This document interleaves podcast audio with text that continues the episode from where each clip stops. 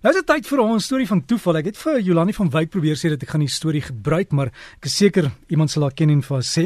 En sy het vir ons 'n e-pos gestuur en gesê hier is my toeval storie, Derek.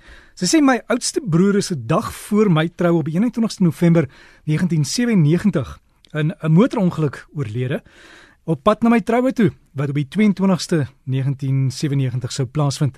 En ons het toe getrou en ons was hartseer maar ten tye van sy dood het sy twee seuns toe nog op laerskool by 'n werkgewer Nigel van hom gewoon en hy het op 'n plaas in Grobblersdal gewerk. En na my broer se begrafnis het sy gewese vrou hulle twee seuns toe kom haal om saam met haar in die Kaap te gaan woon en ons het hulle nooit weer gesien nie Ons kon hulle ook nêrens opspoor nie. Ons het Facebook probeer, Facebook, maar daar was honderde Pieterses en ons het nie geweet hoe hulle nou lyk nie. Op 'n dag in 2012 ry een van my broers in Benoni en merk dat iemand hom op 'n motorfiets agtervolg en toe vir hom wys om van die pad af te trek.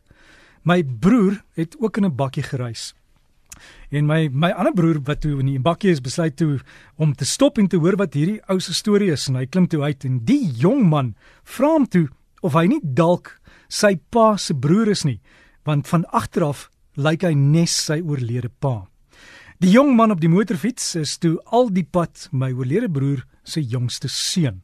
En hy ry nooit daardie roete nie, maar moes 'n ompad vat aangesien die normale roete gesluit was weens padwerke. En so het ons weer kontak na al die jare met my oorlede broer se seuns.